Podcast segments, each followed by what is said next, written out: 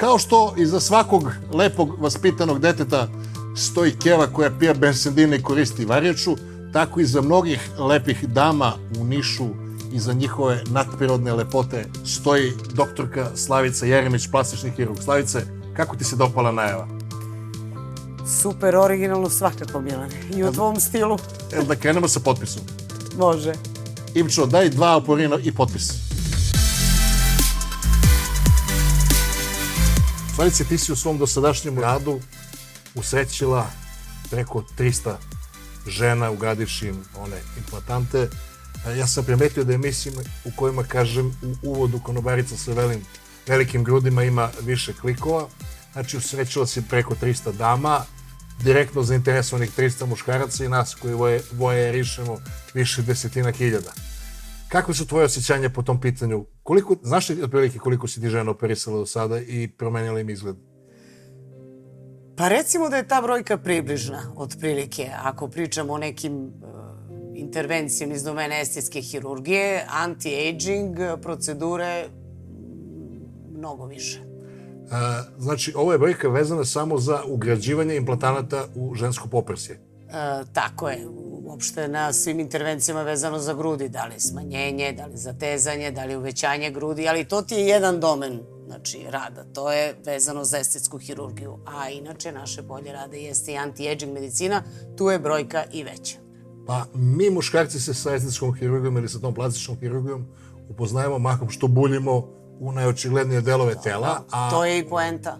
da, to Da, je, da. da, da nam privuče pažnju. Reci mi, molim te, a, ja sam pripremajući za emisiju malo googlo, naravno ja sam klasičan onaj balkanac koji za plastičnu hirurgiju ima ono veoma oskudno znanje, osim što imam u, u svom telefonskom imeniku na, na onom gde su memorisani glavni pozivi tebe kao moju najbolju drugaricu, pa koja si plastični hirurg kao što sam najavio, ove, koja je razlika između plastične hirurgije, estetske hirurgije i one r, r, r, konst- Rekonstruktivno. rekonstruktivne, da. Pa znaš šta, svaki hirurg, plastični hirurg, voli da ističe prve dve stavke u tom svom zvanju, koji inače tako izvuči. Specijalista plastične, rekonstruktivne i estetske hirurgije. Sve tri oblasti jednako i podjednako važne, ali mi smo pr- svi vezani, obzirom da smo hirurzi, da smo se za to školovali jako dugo, za e, te prve dve odrednice, plastična i rekonstruktivna, hirurgija koja se bavi svim mogućim promenama kože i mekih tkiva, njihovim rešavanjem i rekonstrukcijom, vraćanjem u neki približno normalan oblik ili oblik kakav je bio, vraćanje funkcije pre svega i prihvatljivog estetskog rezultata. To ti je taj deo tu priča, znači o pekotinama, o traumi, o onkologiji, onkološkoj hirurgiji, o raznoraznim defektima kože i mekih tkiva, znači tu je ozbiljna priča. E, mi smo hirurzi pre svega. Od prošle ili pretprošle godine, sad ne znam tačno, toj našoj odrednici je dodato u e, ime i estetski hirurzi. Mi smo se time bavili, naravno, znači to je važan deo našeg posla, ali sad je zvanično dodato u našu specializaciju da se bavimo i estetskom hirurgijom. Znači ti si sada u zadnje dve godine postala... Da, da, i zvanično estetski kao, hirurg, da. Kao ovaj bre, u Vilom isto što bio Berberin, što bio prvo u Jugoslaviji, pa Hrvatska, pa Italija, ti si sada, osim plastičar, Tako je, tako. Po- da. Da, zvanično. Bavili smo se time ceo svoj život, ali sada smo i zvanično estetski hirurzi. Ja sam u pripremi za emisiju, mi je jako stalo, tema je fenomenalna. Ovaj, o, ja sam lično spremio nekakva pitanja, pa sam postavio na Instagramu i na Facebooku opciju da ti ljudi postave pitanja i to je generisalo nekih 30 pitanja.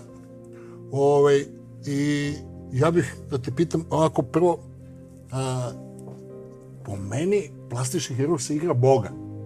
Jer dođe neko sa nekakvim izgledom i ti mu promeniš izgled. Ajde idemo korak pre toga. Kakva je psihologija tih ljudi, odnosno žena, pošto pretpostavljam da su žene, tvoji najčešći pacijenti koji se, koji se javljaju.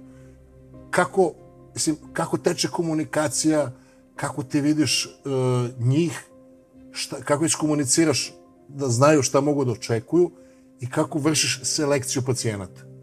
Pa slušaj, mi ne bismo trebali da se igramo Boga. Znači, ja ne volim tako da kažem i ti bi žela to odgovorno Stop. za sebe lično. Dođe ravna, staviš implantato, ne znam, od 2 hektolitra i ti se ne igraš Boga. Niko je ne vidi, sad svi bulju nju. Mislim, uz dužno poštovanje, tu se ne slažemo. Pa sad ako to smatraš Božjom intervencijom, onda ajde neka bude tako, ali... Ajde da okrenemo, mislim, ženski grudi su simbol materinstva. I, Dobro, jeste, to je kao- Naše muške oči su izbaždarene da gleda dok je, ne znam, do recimo 30. godine bulje u grudi, posle gleda zadnjicu. Dobro, ali čekaj, evo ti si sad upravo do tako jednu, jedan moment, veoma bitan, a to je koliko u stvari u celoj ovoj temi, u celoj priči ima jedni, e, nekih uverenja i predrasuda. Apsolutno. Malo da imam uverenja. Da. Sad, ja ne, Znači- ne mogu da garantujem da su moje uverenja predrasude. Ja volim da vidim. Ok, ali pazi, znači svi estetsku hirurgiju vezuju za uh, neke rezultate koji su vidljivi. Za neke, Aha. da, razumeš, rezultate koji su vidljivi i za rezultate koje uh, pacijentkinja treba da pokazuje i oni treba da se vide i mi sad treba da odreagujemo na to. Moj predlog je da To je krenemo... samo deo priče, da znaš? krenemo od vidljivih ka ovim manje vidljivim intervencijama. Dobro, A može tako. e, Može tako, ali ja, ja bi obrnuto, ali Kako? ajde, ajde, ajde, Znači, ispoštovaćemo zaboravimo dok temu. počnemo, dok, dok mrčkamo sa onim iglama, dok dođemo do sisića, zaboravimo, ajde da krenemo. Ja sam stvarno otkrio da, je, da kada u najavi za emisiju kažem konobarica sa velikim grudima, oni klikću. Mislim, verovatno sam ja takav, jer mi smo onaj, uh, izbaždareni da nas to interesuje. Šta je, mislim, to je verovatno priroda e, je tako htela. Uh, reci mi, a mogu ja da vodim emisiju? Ne. Možeš, naravno, izvoli. Statistički jesi upravo. Operacija na grudima i jeste, Šta? znači, jedna od najizvođenijih operacija, s tim što, znači, rezultat ne mora da bude uvek vidljiv. I nisu želje pacijentkinje te, znači, da to bude uvek vidljivo. To je sad jedna velika predrasuda. Ovim gradom šeta mnogo žena za koje uopšte i ne znaš da su operirane. Iznenadio bi se koliko običnih žena Ja volim da se iznenadim. ovaj, koliko, je, koliko običnih žena zapravo poželi u životu i ne samo poželi, nego i realizuje neku estetsku intervenciju na sebi. Mi to ne vidimo, mi to ne znamo. One nisu naša reklama, moram da priznam, jer one prosto ne pričaju o tome. To je nešto što su odradile za sebe i te su žene možda, kako bih rekla, naj, najbolji kandidati, najbolji pacijenti i najveću sreću, jer ja tu ne mogu da odvojim znači, e, fizički izgled od jednog mentalnog statusa. Te žene to stvarno usreći. te žene zapravo to ne rade u odnosu na neke muškarce, prvo radi to u odnosu na sebe, Pa, znaš šta, na lično, e, moje je iskustvo da e, nijedna žena koja je došla, zapravo velika većina žena koja je došla i potražila takvu vrstu usluge, nije to radila ni zbog koga drugog, samo zbog sebe. Sjajno, da. Ali, I to, to je najbolja motivacija. Razumeš, to je najbolja motivacija. Da li je ona e, vezana kao javna ličnost, da izgleda dobro? Svejedno. Ona je to uradila zbog sebe. Jer bez obzira što mi to sve, znaš, pojednostavljujemo, znači to je ona uradila zbog nekog drugog, to je to da se vidi. Ne, to prosto na neki način, možda muškarcima neshvatljiv, znači, ali Vrlo- ženski vrlo- mozak moguće. stvarno tako funkcioniše. Znači, te žene zapravo to stvarno usreći i e, sredi psihički i donese tako neki mir i samopouzdanje neophodan, potreban za, ne znam, neko svakodnevno ili profesionalno funkcionisanje. Tako da to su moje iskustva.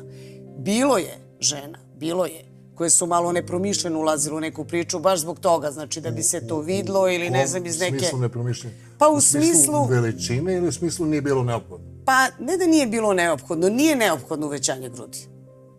Mislim, zašto bi uvećanje grudi bilo neophodno? Nije neophodno, nego prosto nepromišljen akt od početka do kraja, da se razumemo, to je hirurgija, to je intervencija.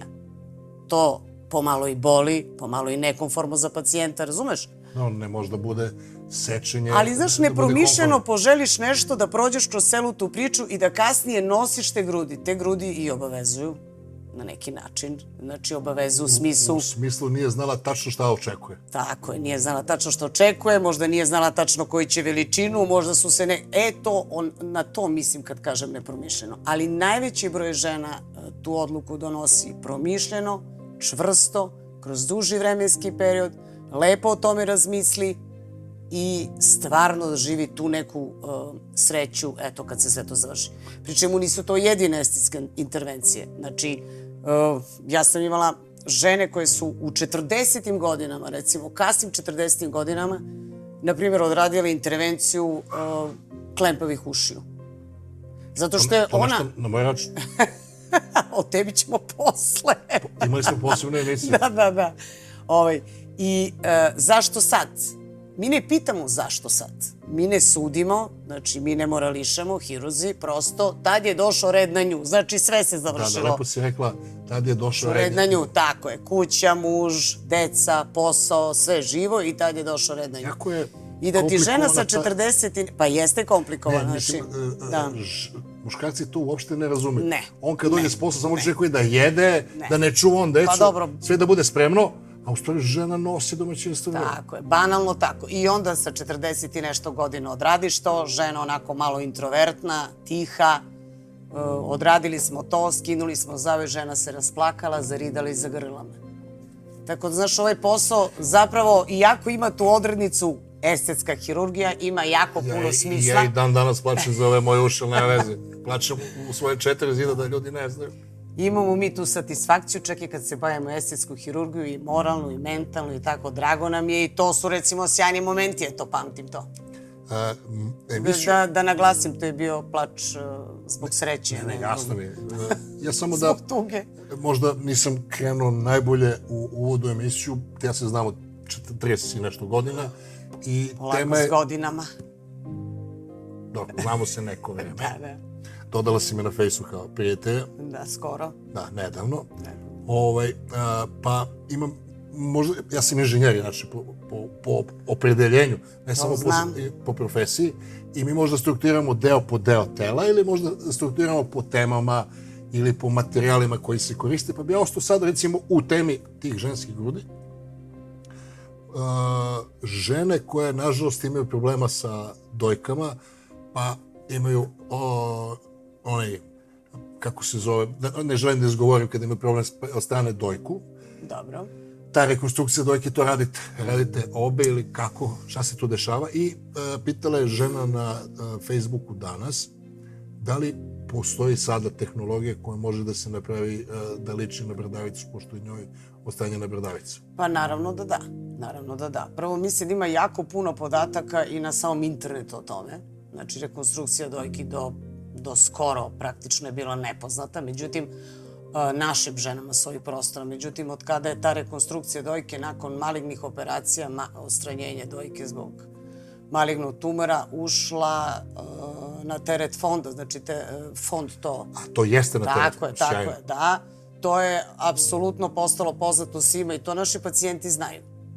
E sad mi imamo tu jednu problematiku, ne samo mi, nego cela planeta oko ove korone, pa se malo stalo s tim operacijama. Inače, naše pacijentkinje, znači pacijentkinje koje su prošle kroz malignu bolest i koje su prošle svu terapiju, znaju da imaju tu opciju da kod nas mogu da rekonstruišu dojku. Sad tu ima više tehnika, više varijanti Koje su, recimo, ono, Pa znaš šta, u zavisnosti... ne u detalje, nego principijalno. u principijalno u zavisnosti od primarne vrste operacije, znači da li je izvedena poštedna operacija, poštedna znači nije ostranjena cela dojka, nego deo dojke, ili žlezdano tkivo, ili deo dojka je podeljena na kvadrante, e, razlikuje se i te rekonstruktivne metode. Nekada je samo implantat, nekada neki režanj kože koji mi uzimamo sa drugog dela tela plus implantat, a ta rekonstrukcija bradavice, ona se radi uglavnom, znači sekundarno u drugom aktu, moguće je od sobstvene kože, transplantatima kože napraviti je, a neki tatu majstori su se izvežbali pa čak radi i tetovaže bradavice, znači moguće i tako.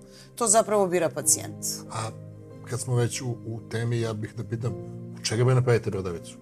Od kog dela tela, koje kože? Od kože koju uzmemo sa druge regije, sa davajuće regije. Dobro. Ovo je okej. Mislim, moguće je sve, ta pla... vidiš kako je tu imamo sudar rekonstruktivne hirurgije i plastične sa estetskom hirurgijom. Jedna bez druge zapravo ne postoje. Pa, ali viš koliko je tu sad lepo, uh, ta žena je u životno ugrožena bila, Da. pa je hirurgija spasi, pa okej. Pa sad još i omogući. Ne, rešava sekundarni Da, problem, sad jebote, da, sad više nisam lepa, i sad je vratite u fabričko Da, stanje. dojka je veoma važan, ove, sekundarna polna karakteristika kod žene, veoma važan deo tela i neverovatno je da žene kad celu tu borbu, znači za život izdrže, praktično za život te leče malignu bolest, da se kod svake žene prije ili kasnije javi osjećaj da želi ponovo da izgleda lepo. Znači, Kako ne? život ide dalje, to je prosto... Fazan. I par to je meseci, vrsta borbe za životom i za kvalitetom života. Jasno mi je. A reci mi, a, nije mi bila namera da krenem jer imam drugačije strukturirana pitanja, Dobro. ali ti ja nismo obavezi da igramo po notama koje sam ja ono sastavio prateći šta pitaju ljudi na internetu, tako da ovaj, moje pitanje a, kako funkcioniše mlada žena koja ima a, intervenciju na grudima, pa za trudni, pa porođaj, pa dojenje, kako to funkcioniše stvar? Mene to interesuje. Odnosno, in- interesovalo me duže vremena, ali nikad nisam Ceo taj proces ovaj, trudnoći dojenja može kod žene da prođe bez ikakvih znači, sekvela pod kivo dojke. sa sve implantantima. A, misliš, kod žena koje su imale Tako je. apsolutno znači implantati. Nema ni jedna studija koja dokazuje znači da ti implantati imaju ikakve veze sa kasnim dojenjem kod žena. E, mora da mi, da razumeš iz kog ugla pitam. Ja, ja to, Pitaš iz ugla lajka. da, ja to zamišljam Apsolutno. kao To bradavice česmica, ima crevo koje ide od negde i ovo, da li Pazi. ga gužu, mislim, Pazi, to jeste jedno od najčešćih pitanja. Hoću li imati problema s dojenjem? Ne, nećete imati problema s dojenjem uh, ukoliko imate uvećane grudi implantatom. Prosto je tako. Zato što taj implantat ima svoje mesto, on se postavlja ili ispod železa ili ispod mišića i jedan i drugi uh, položaj implantata zapravo ne ometaju stvaranje mleka u mlečnim kanalićima i kasnije dojenje. Tako da to A kakav je senzibilitet ženskih ljudi nakon operacije? Isti, manji ili možda uvećan? potpuno isti. Znači sve isto. Sve isto. Ko je imao senzibilitet, ima senzibilitet. Da. pa uglavnom svi imamo senzibilitet tako da se to ne menja. Naravno, pričamo o legi artis izvedenim operacijama od legi artis hirurga sa licencama, znači pažljivo izvedena operacija. Pre nego što krenemo na taj... Uh, Na taj moment. Tako je, da. uh, sad se ja stavljam u, u, da kažem, u cipele žene koje bi se eventualno javila tebi uh, ili nekom plastičnom hirurgu. M- neka žena utvrdi da ona ima nedostajuće grudi i da bi žele da ima veće. Uh, koliko sam te proces od kad ti kaže dobar dan, doktorka, ja sam čula za vas, ja bih da operišem grudi, koliko to traje dok recimo prestane da boli? Šta su, šta su faze? Kad se tebi javi, pa ono, prvi razgovor, pa ne znam, pregled, pa analize, pretpostavljam analize krvi, pa zakazivanje operacije, pa ne znam, da li ima bolečnih dana, Da. skidanje konaca. Ceo proces hoćeš da ti ukratko i do, ispričam. do da. onoga, ča, Do momenta pu, push up i da, dekoltat. da, da, ja sam ženska verzija Zdravka Čolića, desna je, Da. frajer je stigo, stigla sam ja. Znaš šta, žena koja dođe na konsultaciju u vezi uvećanja grudi, ta žena već ima priču u svojoj glavi i uglavnom je najveći broj njih već, znači, prilisto sve forume na internetu na tu temu i već ima neke predinformacije. Nekad je to dobro, ona zna već o tome dosta i otprilike zna koliko će traja. Nekad i nije dobro. Ili je internet naravno pun polo informacija ili ne polu nego potpuno pogrešnih informacija. Tako da je broj jedan svakako uvek konsultacija sa hirurgom. Ja često kažem, ne s jednim hirurgom, pričajte i sa 3-4 ako treba. E, mnogo je bitan, never, možda nigde bitniji nije taj odnos između hirurga i, i pacijenta. Znaš, tu se stvara e, kad, e, paradoksalno, ali sada ti je praktično jeftinije da gradiš duh nego telo. I tako da, baš zato što se žena tu laže psihički, finansijski i radi se o njenoj spoljašnjosti, znači ona tu investira i ulaže, strašno je bitan njen odnos sa hirurgom. Znači, konsultacija sa hirurgom je uvek broj jedan u bilo kakvoj odluci, mada one sve dođu sa određenim predznanjima, koje nekad mogu da budu, kažem ti, polovična, nekad nikakva, nekad pogrešna, a proces je taj da se uglavnom one brzo odluče. To je priča o kojoj one razmišljaju. Godinama čak. Ako tebe dođu sa finalnom idejom. One dođu sa finalnom idejom, znači došao je taj trenutak da to odrade. Samo je pitanje, znači, da li će odraditi kod mene, znači da li ću ja biti njihov hirurg ili će biti neko drugi, znači to se kroz razgovor sa hirurgom, znači prosto, prosto taj, taj odnos između nas znači se pravi u tim konsultacijama. E, od momenta odluke do momenta operacije, to su u pitanju dani. Znači tu je jedna klasična preoperativna priprema kao i kod svake operacije. Da je to preoperativno? Preoperativno. Pa to su neke laboratorijske analize, znači gde žena, znači pre svega mora da bude zdrava, tako da bi obavila bilo kakvu Šta je intervenciju. najčešći no-go, ono, da ne može da se operiš? Da ima povišeno šta? Ili sniženo šta? E, pa znaš šta, to je procena, e, ta preoperativna procena, preoperativne pripreme, potpuno identična da li znači hoćeš da operišeš kilu ili hoćeš da operišeš grudi. Postoje znači neke laboratorijske analize koje mora da budu u granicama normale. To je prosto tako. I da žena nije u ciklusu, da nema ili tada žene pojačano krvare. Znači, praktično ne besprekorno zdrava. Znači, može i žena i sa stentovima, znači, na primjer, da se operiše, imala infarkt, ima stent, može da se operiše, samo što onda malo ta preoperativna priprema daju se neki lekovi pre operacije. U svakom slučaju, priprema za bilo koji operativni zahvat u opštoj anesteziji je identična. Ok, dođe u ponedeljak na razgovor. Dobro. Sve je objasniš i ti Dobro. kažeš, uh, uh, jel odgovara idući utorak. Dobro. I ništa, to je to. radi, ovo operativ- radi. Koliko to košta od do? Pa ja znam da je neumestno pitanje, ali... Pa jeste neumesno pitanje. Zato što svi to googlaju. Koliko košta to u Nišu, koliko košta to u Beogradu. Pa Mislim, cene su, cene su od, otprilike od dve i po do pet. Eto, tako se kreće. Sad za dve pa dobijaš jednu, a za pet dobijaš dve. E, nemoj da me pitaš o cenama, jer znači dve i po u Nišu je kao pet u Beogradu, na primjer. A postoje hiruzi koji operišu i za pet u Beogradu. Ja ne ulazim u cenovnike. Kupovna moć je takva, Tako, dobro. to je tako. Znači, od dve i po do pet i to je to. Mislim, znači, cena se praktično diktira tržište i praktično gde će biti operisana. Ok. E, doći ću i do onog dela gde ti rekonstruišeš svašta nešto što dođe sa zapada, pošto sticajem okolnosti, znaš, kad sedimo i pričamo, ja se zapamtim, kad mi pričaš, rekonstruisala sam ovo, ovo, ovo, da se zgražavam. Nisam rekonstruisala, nego to je već anti-aging o čemu ti pričaš. ali Ne bre, neko je zabrljao negde pa vadiš štetu. A, to, dobro. Pa to se dešava, pazi. Znači, dobro, to znam. se dešava. To se dešava Znaš, svima. dok drugi izbegavaju, ti legneš na minu. ne, Ja sam da sedao, kažem, par, ti znači, ne ko... pamtiš moguće, ja sam sedao par puta s tobom, kad ti dođeš, Pazi. izvini što kasnim 4 sata na, na, na piće, nije rekonstruisala sam to i to. Dobro, to se dešava, pazi, znači, ko radi taj i greši? Naš se posao vidi.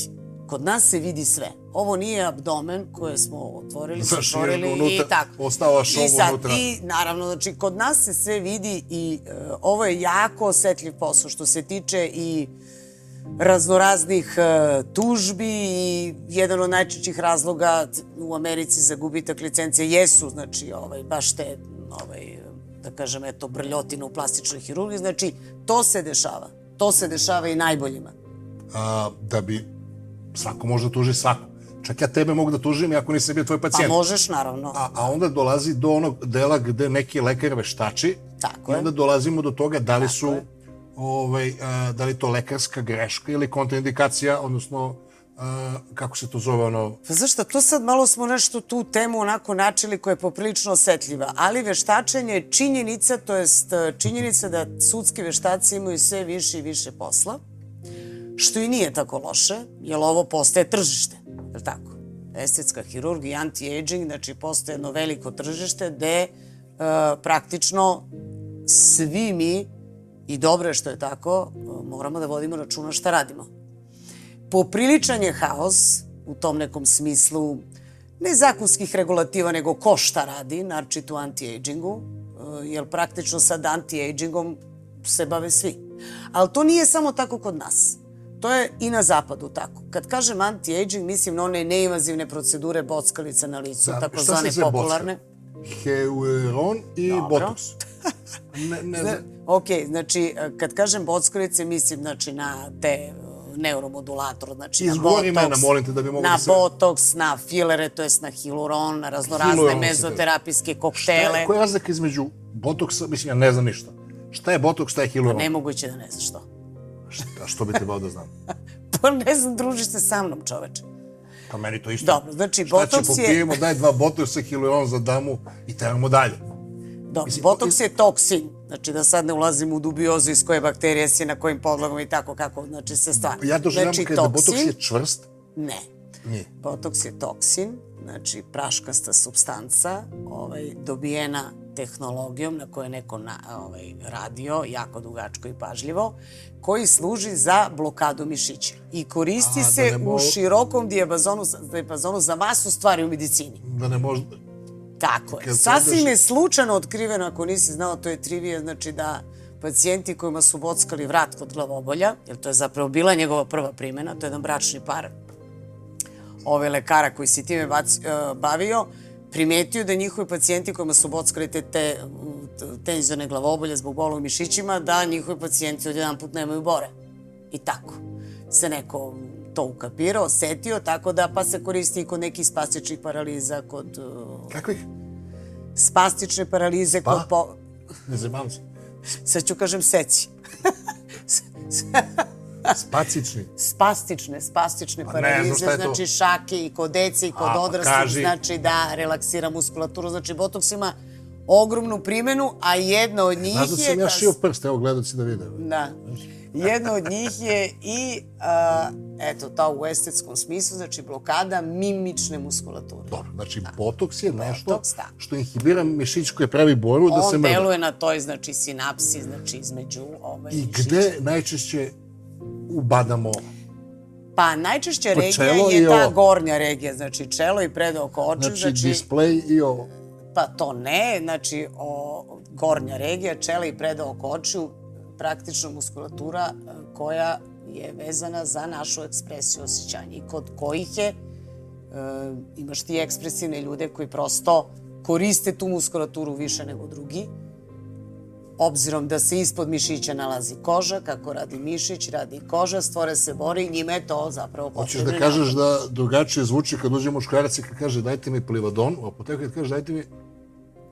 I ti kad mu to, on si uvek dobija plivadon, ne možda Pazi, botoks je možda se tretira i celo lice u nekim mikrodozama, ali uglavnom kad se kaže botoks misli se na te mrštelice prosto, da te razmršti i da ti da jedan onako blag, da ne kažem Da te photoshopuje. Kockarski izraz lica, onako tako, neprovaljiv, znači u smislu tako, miran izraz lica. Šta je hiluron? Hialuron je, Pogodio sam kako se kaže. jesi, bravo, znači glavni Samo što sastojak... te govorim hiluron, da ti kažem iskreno. Da. Sad sam prvi put... Kako? Nije ni bitno. Nije ni važno, dobro, hialuron. Ivčoteri. Dobro, ivčoteri.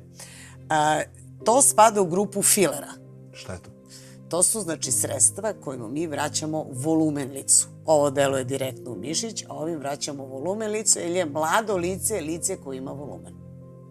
Lice koje je stari, gubi volumen, topi se zapravo s godinama Suošljiva. sve. Tako je. Ne samo, znači, e, koža, potkožno maso, tkivo, nego čak i dublji ti neki kompartmani masti na licu, e, mišići, čak i resorpcija kostiju. Hialuron vraća volumen, volumen je odlika mladosti, Evo, dečija lica, jedra i, i hialuron je, znači jedna od njegovih glavnih osobina jeste da skuplja vodu, ta e, voluminozna lica, lica mladosti, e to radi znači hialuron. Dobro. Moje pitanje sada, gde se bocka taj hiluron? hiluron? Misliš, gde na licu? Osim na licu, ili imaš, mislim na licu, da li se bocka još negde? E, pa bocka se, ti imaš na bazi hialurona, znači i filere recimo za zadnjicu. Šta to, u- ubezu još 500 ml? Pa otprilike tako. I ne su- 500, ne i 500, su- ali za neka, za neka manja uh, uvećanja. To morate zaustavim sada. Zaustavi me. Setio sam se da si mi pričala jednom prilikom da žena nije želela da muž sazna da je uvećala usna, usne. Pa si Aha. i u četiri prelaza kao moleri. Tako je, tako je. Tako, molim da. Pa ne, imali smo problem. A to je interesantno, znači, koliko u stvari otpor prema tome imaju o, muškarci svojih prostora. Recimo, to je tema interesantna. Mislim, toga se nismo dotakli. Meni prosto neverovatno. Zašto bi neko imao otpor prema činjenici da njegova žena želi da izgleda Bolje. bolje? Pa ne znam. Ne znam. Da li se sumnja u motivaciju žene? Da li... Znaš, što mi do... e, Ja Ajde ti si muško, kaži mi. Šta je tu loše? Definitivno. Ovaj, pa vidi, a, ja to gledam iz jednog malo drugačijeg ugla, da a, žene koje pribegavaju serijski intervencijama počinju da liče jedna na drugu. Pa se ja te pitam, ko je tebe nulti pacijent što sve izgledaju isto? Znaš, one... Pa dobro, sad skačemo s teme na Ne, temu, ali to to ti tema. znači ovde toliko ima predrasuda. Mi zapravo imamo potpuno, kako bih rekla, uh, jedna, jedno, jednu kategoriju prezentera ove priče. Znači imamo samo tu kategoriju koja je vidljiva. I mi mislimo da sad, ako se baviš estetskom hirurgijom ili anti-agingom, ako si korisnik tih usluga, da ćeš ti pod obavezno da izgledaš kao neka javna ličnost, recimo iz realitija, koja je to zapravo posao da tako izgleda. Ne. Aha, prenaglašeno. Prenaglašeno. Naravno da ne. Kao što je Znači, pozorišna naravno gluma da ne. prenaglašena, jer treba te čuje ne, na balkonu, a ono kad si u- na filmu... Ili glasna kad si na filmu može da šapućeš, čućete sela sala, naravno. Znači, naravno da ne. Uopšte ne da ne morate tako da izgledate, nego čak u 99,9% situacija i nećete tako da izgledate. Tako izgledate samo ako tako želite da izgledate. Razumete? Mi slušamo želje. Znači, ne radimo mi baš po našem nahođenju. Mi slušamo želje, slušamo šta žele pacijenti. I mislim da je možda to glavni problem i strah kod tog muškog pola da će žena da izgleda znači tako, a niko ne želi da njegova žena izgleda tako ili već ne znam šta je, ali se stalno dešava znači da žene pomalo kriju to od svojih muževa. I tako, eto, ja izlazim u susret, pa to radimo u fazama. pomalo da ne primeti, pa napravimo pauzu, pa onda dodamo još malo i uglavnom ne primeti. Pa Pazi, muškarac ne vidi kada sečeš kosu 20 cm. Da. Ka, kaže, o, jakna, cipele. Da. Kola si, ne, kosa, oh, sorry. A, kaži mi, a, je li ima onih drugih slučajeva kad dođu da ugrade im, se kaže implanti ili implantanti? Implantati, da. Bez implantati. Da, pa možeš implantat da kažeš, da. Ne, ne zajebavam se, nego uvek ga promrljam kad kažem, Dobro. pa sad, Pa promrmljaj ga slobodno. da, Ništa. E, ti, a, a, se dešava, kad dođe žena na razgovor, da konsultuje ovoga a, partnera svog, pa ne znam, na Viber gledaju da li veličina dobra, kako. Dešava se. Dešava se. Dešava se da u, imamo ravnopravno učešće i muškarci i žene u konsultacijama oko veličine. Jel ja moram da komentarišem to? Pa ne, ali nije loš, mislim, ja, ja, moram ti Da, se zahvalim. dešava se. Vi- Vidi, ja sam svestan da ti ovim razgovorom sa mnom možeš da uvrediš deo uh, žena koje su sarađivale i koje bi sarađivale s tobom, jer ti ne znaš nikad ko će kako da tumači šta ti pričaš. Ti si vrhunski profesionalac koji nikad nije tužena, koji nikad nije imala, ne znam, da neko hejtuje, a, i a, ti ovim razgovorom ne dobijaš puno, osim što daješ, po meni barem, a, jednu opštu stvar o nama svima. Mislim, mene ovo interesuje, bi te pitao, ali mi pijemo kafu, pivo, pa se ja zaboravim, ali ajde da grupišemo da se znamo. Da, dešava se znači da i muškarci i žene učestvuju u e, izboru veličine grudi. Ali ja mislim da e, verovatno ti isti muškarci učestvuju u izboru moguće i dizajna kuhinje ili toga šta, će Šta da se fali kupi. muškarcima koji beraju kujinu? Pa ne, ništa. Ako još ti kaže, moguće je da oni sve odluke donose zajednički. Znaš, ne mogu sad na osnovu toga da ti napravim, znači, sad neku procenu zašto je to tako.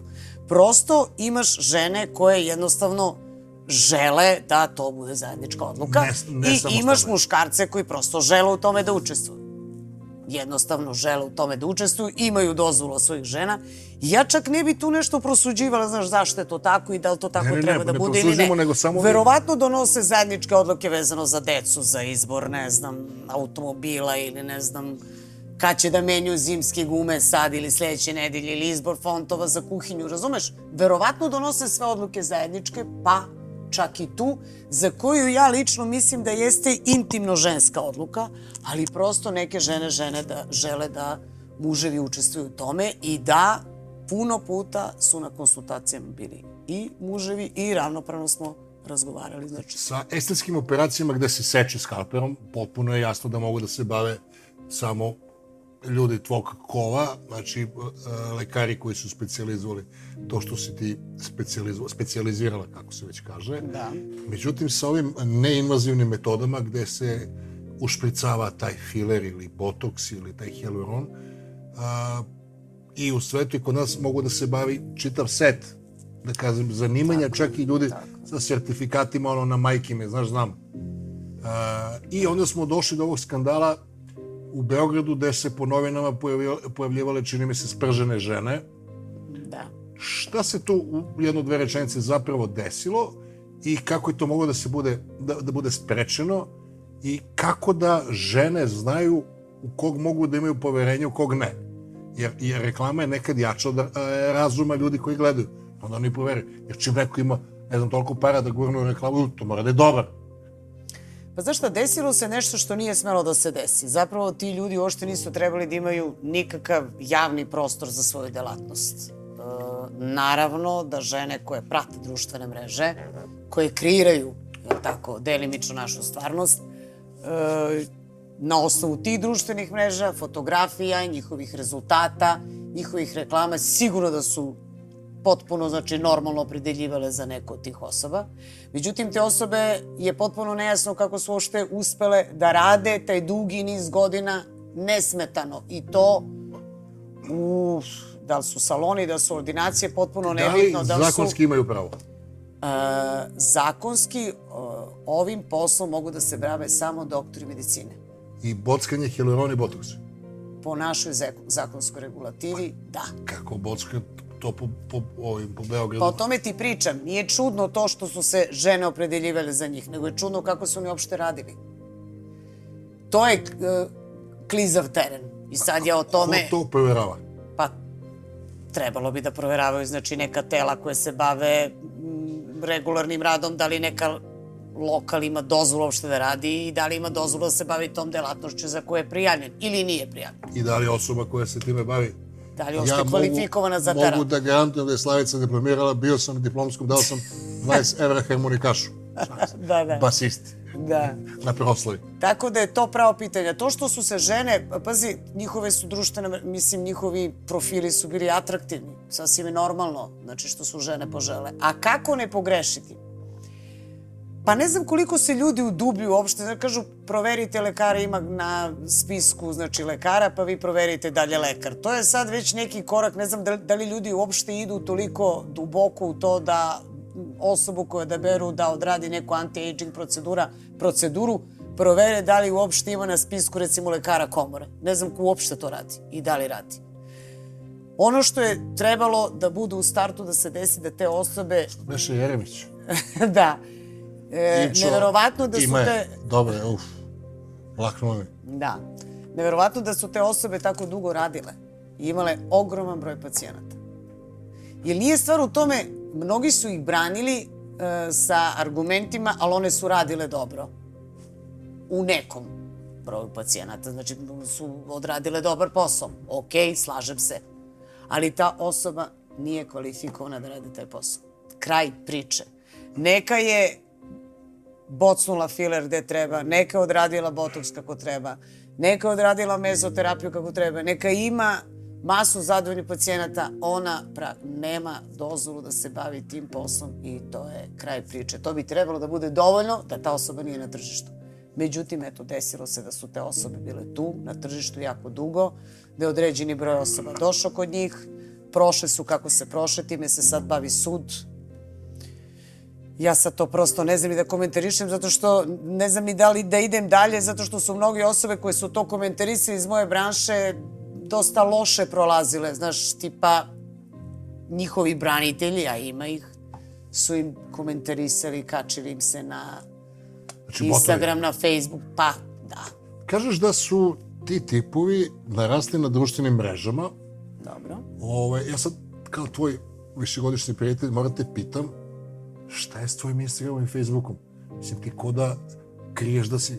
Da si ko da sam iz 20. veka, da, ne iz 21. Ne, mislim, realno, ja jesam ovaj, iz 20. veka. mene zanima, jer ti, ono, kriješ, kako, kako tebe ljudi da nađu? Kako pa dobro, znaš šta, ja lično mislim da ne može društvena mreža da bude presudna da se ti opredeliš za nekog ko će da ti, ne znam, rekonstruiše dojku ili zategne stomak i odradi plastiku trbušnog zida. Sjetio ili... sam se jednog e, pitanja. Pre, pre, pre da. 6-7 godina si onoj devojci radila što je upucao neko... A da, e, da. Znaš šta jeste, mislim? Jeste, jeste, Ona, što je dede upucao beš Recimo, ako bi stavila taj slučaj na društvenu mrežu koji je meni najzahtevniji, najzanimljiviji i najteži naj, bio za rad... Najsrećniji si bila. Da. Spričaj, molim te, šta je bilo? Ja bi verovatno odbila, znači, pola pacijenata koji, razumeš, mislim... Koje godina bila? Naime, uh, u, u nekom spletu okolnosti, ali deda pucao? Ili... Jao, jeste, to je bio jedan, to je bilo kao, ne znam kako je to kršteno tad, bilo to davno, da li je to bilo, jeste bilo kao nasilje u porodici, deda koji je sačmorom ovaj, probao da... Ubio unuku? Pa, ženu i unuku. Žena na, nažalost, završila smrtno, a unuka je preživela i, i jedva i deo sačme završio u kičmi, pa ona dugo imala probleme i sa hodom i tako dalje.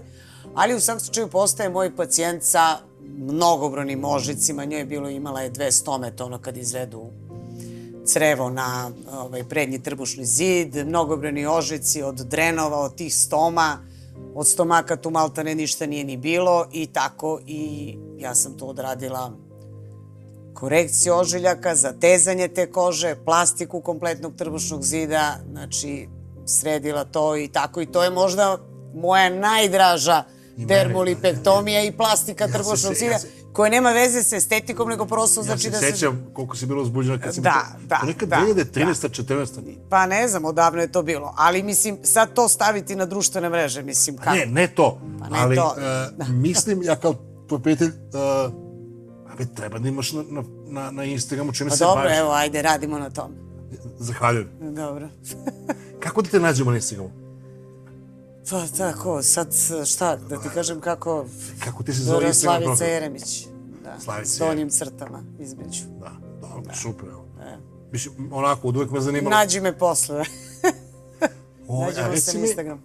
reci mi, molim te ovako, ima jedna tema koja je meni jako interesantna. Ja sam se razmišljao da malo i da se našalim, da ću vjerojatno i da se našalim u nastavku. A, postoje žene koje dosta rade hiruških intervencija na sebi, pri čemu ne žive samo na jednom mestu, nego putuju. Pa sam ja to našao pripremajući se za emisiju. A, ovo, ti si pripremala 20 godina za ovu emisiju, ja svega ono, 7-8 dana. Super, ti ide, fascinirana sam. Ja, hvala. ovaj, a, postoje pasoši lepote koji služe tome da žena koja vrši korekcije na sebi, da se zapiše koji deo tela, kad, koji materijal, koja procedura. Da. Šta misliš ti o tome? Da li to ima smisla, nema? Pa mislim da to ima smisla i da je to okej, jer uh, sva sredstva znači, koje mi ubrizgavamo, jel tako, u, toj, u tim anti-aging procedurama bi trebalo da su regularno uvežena, registrovana, imaju svoje bar kodove, imaju svoju dozvolu od naše agencije za hranu i lekove i trebalo bi, znači, da po ubrizgavanju svakog sredstva pacijent dobije tu takozvanu nalepnicu u slučaju recimo hialurona ili u slučaju znači tog protetskog materijala, znači to su implantati grudi, kartice sa serijskim brojevima i tako dalje. Mislim da je to sasvim okej, okay, zato što mm, ne očekujem da pacijentkinja uvek bude moja, možda se je zatekne. A, ja mislim, živi u, živ... u, da. Nišu, u Beogradu, onda živim pa recimo u Hong Kongu. Da, Znaš, pa da, živi u Njurku. Sigurno, sigurno. Znači te zovu na telefon, jeli? Sigurno. Ovo, I, ti kaš... I neverovatno da je to jedna od mojih najčešćih rečenica kao, ma šta će mi to? Treba vam to jer možda poželite uh, orijentir je za vašeg budućeg lekara ili hirurga, šta vam je dato i kad vam je dato. A što ti majstor znači, prosto... kad, otvori haubu, ko ti ovo deo pre mene? Jeste, jeste. Znaš, ti, e, super. Ovaj... Ti hialuron ili hialuronska kiselina, pazi, tu je sastav isti, ali brendovi su različiti. A mi svi, onako radeći sa različitim brendovima, neke volimo više, neke volimo manje, za neke iskustveno znamo da će da traju kraće, za neke znamo da će da traju. I nije loše kao orijentir da znamo šta je korišćeno od materijala i kad. Tako da to da, to da. Apsolutno, slažem ja, se. Ja, to sam, treba da postoji. S obzirom da sam ja onaj tvoj Milan, mora se ne šalim. Samo napred, šta li ćeš da kažeš sad, ajde. Da, da, da, da. Ovo mu dođe ko servisna knjižica za kola kad uvezeš auto. Ja, da, se, tako nekako. Kad se, kad se ženiš, potvoriš pa pogledaš servisiran. Ima hilerona. Koje godine, koliko, da, šta, u, kaže, moram u menju. Osim ako ti ne sakrije tu knjižicu. Mislim da je ono, da se... Poču, da, da, misliš da je evidentno. Ne, da, počeo da, da. se što me srbi, a ne zato što sam teo nešto da insinuiram. O, mislim da je to onako pametna stvar da mogu jeste, da, da žene... Jeste, apsolutno pametna i apsolutno je orijentacija i za nas šta smo kad radili, znači za našu evidenciju, za pacijenta i za budućeg. Ali pretpostavljam da lekari su onako, kako da kažem, kad obave uspešnu operaciju, ne bave se baš administracijom. Nijedan doktor ne voli da se bavi administracijom, da se razumemo. To je znači najgori i deo koji najviše mrzimo, ali ona je poprilično neophodna i potrebna i treba da se vodi. Vi ste Hasan seckati, a da, ne Hasan da, administrirati. Pisati, da, da. Malo čas smo spomenuli selekciju pacijenata. Dođe žena koja ima, da kažem, potrebu da radi nekakvu uh, estetsku ili plastičnu operaciju, pri čemu je granični slučaj da li to njena psiha trigerovala možda prejako, uh, kako je zakonska regulativa kod nas, kako je zakonska regulativa u svetu, da li ti ovaj, treba da je usmeriš na nekog stručnjaka koji se bavi time, sad ja ne znam da je to psihijatar ili psiholog, jer pretpostavljam da se desi da ona dođe sa predubeđenjem da će ako radi to, da dobije ovaj rezultat koji nije samo uh, u fizičkom smislu, nego u, u mentalnom, onda uh, bude nezadovoljna. Znam šta hoćeš da me pitaš. Samo da dovršim, mm -hmm. pošto moguće da sam do, dopunio malo u odnosu na to što na ti pretpostavljaš. Da. Mm -hmm. uh, I znam da se desi da ti u razgovoru ne želiš da operiš i kažeš, znate šta, to je takva stvar, vi tako i tako i tako, ja vam ne preporučujem. Onda on ode, ode kod drugog, ode kod kolege koji nije toliko etičan i želim da mi taj trugo uh, estetika, etika i ekonomija, jer mi smo tu zbog para, ti voliš da radiš, mislim, tebi i Ćale bio uh, viđeni, ili jedan od najviđenijih hirurga i rođena sestra ti, ovaj, i ti si, vi ne znate drugi život. Uh, to je ono što te pokreće. E, sad to etika, estetika, pa onda ekonomija, da mi tu malo sad objasniš kako ti funkcionišeš, kako funkcioniše svet, kako kolege, šta se dešava sa ženama koje dođu sa očekivanjem da će jedan medicinski zaklad da reši psihičke probleme. Pa znaš šta, e, malo si mi sa, i malo pre sa tim pitanjem iznenadio, jer ja moram da priznam da ja ne znam za pojedinačne zemlje kakva je ta zakonska regulativa. U smislu, da li je psihijatrijska, to je psihološka procena obavezna kod estetskih intervencija tipa uvećanje grudi ili liposukcija. Znam da je obavezna kod promene pola. To ima to ozbiljne logike. ima ozbiljne logike. E, ne mislim da je obavezna, znači, za takvu vrstu intervencija, da kažem manjih intervencija koje nemaju veze znači sa... Šta je manje intervencija? Pa, e, intervencija koja ne utiče na poimanje sobstvene ličnosti ili seksualnosti. Eto, znači promena pola već ozbiljna priča, ali znači smanjenje masa tkiva na stomaku ili zadnjici ne bi trebalo da bude o, intervencija koja zahteva psihološku procenu. I mislim da ona nije obavezna nigde i da tu ta zakonska regulativa u tom smislu ne postoji. Procenu da li je, da li su e, da li se neka osoba treba da se operiše ili ne, to jest da li su želje realne ili ne, zapravo donosite vi lično, to jest hirurg lično u kontaktu sa pacijentom. Pričam ti kod nas. Znači, ja stvarno ne znam kako u Velikoj Britaniji, mislim da je i tamo vrlo slično. Mm. Znači, postoje stanja gde, vero, gde je sigurno potrebna psihijatrijska i psihološka procena i neke manje intervencije da je to jednostavno ovaj, nije. To procenjujemo mi, baš na osnovu onoga što si rekao, ali ja bi izostavila, ja bi tu istakla samo jedno E, pošto su, su tri E bila, a to e. su, da, a to je etika. Vi procenjujete da li je pacijent realan, da li to što on uh, želi njemu treba, da li će to da ugrozi njegovo zdravlje ako je nerealna želja, Da li će to u nekom smislu da mu pomogne ako primetite bilo koju vrstu nerealnosti I kako se ti osjećaš? Ili psihičke nestabilnosti. U, ustaneš ujutro, recimo subota, deca otišla negde, piješ kafu i na društvenim se mrežama i vidiš tvoju klijenticu potencijalnu koji se rekla vama to ne treba, ona rekla važi i otišla kod kolegi i uvećala se e, neproporcionalno. Kakav je tvoj lični osjećaj tada? Pa znaš šta, postoji nešto u hirurgiji inače, što se zove selekcija pacijenata. To moje kolege znaju o čemu ja pričam. Ne 50, 60, čak i 70% uspeha kod mnogih hirurga je zapravo dobra selekcija pacijenata. Odnosno? Pra, ne baviš se problematičnim pacijentima i problematičnim situacijama. Odnosno, moja nova mantra od zadnjih par meseci, mudrost je izbjegavati probleme. Apsolutno, apsolutno. Tako da uh, uh, ja nisam direktno izbjegavala nikad nikog. Možda sam prolongirala konsultaciju u smislu da ih bude što više, da mogu da steknem pravu sliku i odgovarala od operacije. Naravno, pažljivo da nikog ne povredim i da nikog ne uvredim. E, mnogi su pacijenti odlazili od mene. To je okej. Okay. Znači, ako neću ja, uvek, ali u tvojom poslu ima isto i u svakom drugom poslu, uvek ima neko ko hoće. Kako se osetim kad vidim da je taj neko završio operaciju kod nekog drugog zato što ja nisam htela ili sam, eto tako, indirektno ga odbila, pa ne osetim ništa posebno, samo se možda malo zabrinem, dalje se prošlo kako treba i eto tako držim palčeve da u budućnosti bude sve kako treba. Mislim, Drž, ne pogodi me... da je tvoja procena možda bila loša. Znači, ovde svi zaboravljaju jednu važnu stvar. Mislim, a to je sve u sklopu predrasuda. Ovo je postao biznis. Ne samo kod nas, nego i u svetu. Ali ovo ne bi trebao da bude samo biznis. Mora da ima etike. Ovaj posao mora se voli, pre svega.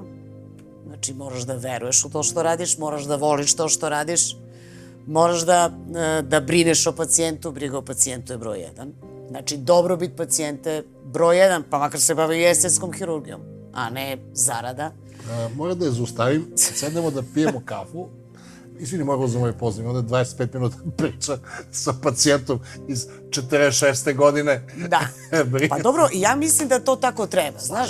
Ja mislim da to tako treba i sad ja možda, mo, znaš, možda to nije, ne znam, praktično ili nije, neko pre, nije preporučljivo, možda je to neki gubitak energije i mog vremena, ali ja mislim da tako treba, stvarno mislim da je dobro biti pacijenta broj jedan. Mi smo to, ne kažem da smo zaboravili, na svu sreću ne svi.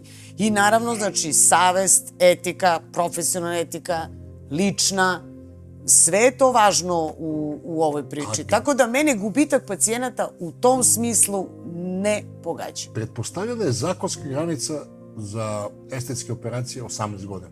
Estetske intervencije. E, da li... Zakonska u smislu da oni potpisuju pristanak, pošto pacijenti mora da potpišu pristanak za operaciju, da. A, A postoje neke intervencije koje mogu da se odradi ranije. Mislim, e, pripremajući se A ti da, da, sekao da. mi je uši, da. napravio fotelju. Ali ti znaš da to može da se koriguje? A boli će me dupe za ovo malo što Znala sam ćeš to da kažeš, ali može da se koriguje. 60-70 godina, sad ću korigujem uši. I sad imam kakve uši? Pa, lepše nego te u svakom Gradiš sise se zibam. Pa dobro, može i to, ali to stvarno može da se, da se ispravi. Ako si motivisan, ako nisi, ja. nema veze. Dobro. Ja odavno nisam motivisan da budem lep vrlo se konformno sećam što sam pametan i ja. Mislim, da budem iskren. Bravo, bravo. Pravi sam, stav. Pa da. Pravi stav. Jer lepota je subjektivna, a pamet je... Jer zna publika da sam ja tvoj fan, veliki. Jedan od najvećih. Ne znam, ne znam koja je ova žena. I podrška. a, Čelja, da vam kažem iskreno, nije. A ako ona kaže nekom... Da, da, da. da, da, da. Će mi buši gume sad na pahinu. Da, šta si čitao? Sad dolazimo do onog dela do nas muškaraca, ovaj, pretpostavljam da sada sa tom uh, pričom koja se dešava oko plastičnih operacija, oko estetske hirurgije, da se sve više muškaraca prijavljuje za te estetske operacije. Uh, ima dosta ovih koji presađuju kosu, operišu uši, to su ove turške operacije, pošto imamo stalno te reklame. Transplantacija kosa se radi kod nas?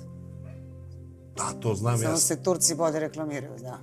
Išli smo Riki i ja, tvoj i moj kum, smo zajedno išli, e, da nam, nisi gledala emisiju, crtali nam kreonom, pa smo se prepali da, da, da, da, da nam operišu, da nam usade kosu. Ovaj, koliko često muškarci se podvrgavaju plastičnim operacijama i kakve zahvate najčešće? Sve češće, što je meni drago, super, a zahvati su uglavnom vezani za diskretne, znači diskretne, kažem, njihove su želje sasvim drugačije, motivi sasvim drugačiji i ono što žele da postignu sasvim drugačije od žena. E, sitne intervencije na licu tipa botoks, to je najčešća intervencija, e, takođe fileri, ali više u smislu neke stimulacije kolagena, znači malo neki drug, neka druga vrsta filera, više kao osveženje. Transplantacija kosa, apsolutno. Ne toliko na našem području, ali ima čitave kulture i zemlje. Znači to, da je bitno da si dlakav na glavi. Tako je, tako je, recimo je tu Turska. I liposukcijona je ovaj, procedura. Znači usisavanje masnih naslaka. E, to šta bi su mogo, neke šta najčešće... bi mogo na faci za 500 evra da uradim? Usta full. Bez popusta. Da, u, usta full Okej. i, mo i mogli bi da ti izbotoksiramo malo. Gde? Da, pa čelo, na primjer. Čelo. Da. Pa, do, idem, i čelo, a ovo? Gratis korekcija ušiju. Ja, nemoj me, da me drkaš za uši, što? Da, Znači, može to, a? da, da, može. A da, daš onaj indijac što ima veštački biceps? To kažu da Arnold Schwarzenegger, znači... Ne, misliš da ne? Nemoj da me deraš ovaj Arnolda, e, e, e. Pričamo, pričamo o, o našim muškarcima, pričamo o Balkanu. I da, to je vrlo zanimljivo. Kako se razlikuju želje intervencije, znači od zemlje do zemlje. Skandinavci žele da izgledaju odmorno, a, sveže, drkama? da to sve bude diskretno, da se ne vidi. Kod nas e, više vole da se vidi. Tako i kod muškaraca. Oni ne žele da se vidi, ali žele da izgledaju odmornije, sveže. Eto, to je to. Čeljavo, što kažu. Da, da. Živimo u vreme kada nije simbol uspeha da si uh, debeo, imaš pritisak, ali bogat. Uh, nama su simboli uspeha zdrav izgled, slobodno vreme, osmeh, znači da su zdravi zubi, da imaš uh, lep ten. I šta bi te recimo poručila ljudima, jer ipak je danas ozbiljno podignuta lestvica na tu temu, uh, kad ljudi koji se dvoume ili koji su na ivici da prelome, da se obrate za nekakvu tu estetsku intervenciju. Pa ja duboko verujem da estetska hirurgija i anti-aging medicina uklapa u opšti trend, a to je da je život sve duži, da se trudimo da nam život bude što kvalitetniji i da mi svo vreme svog života aktivno učestvujemo u životu.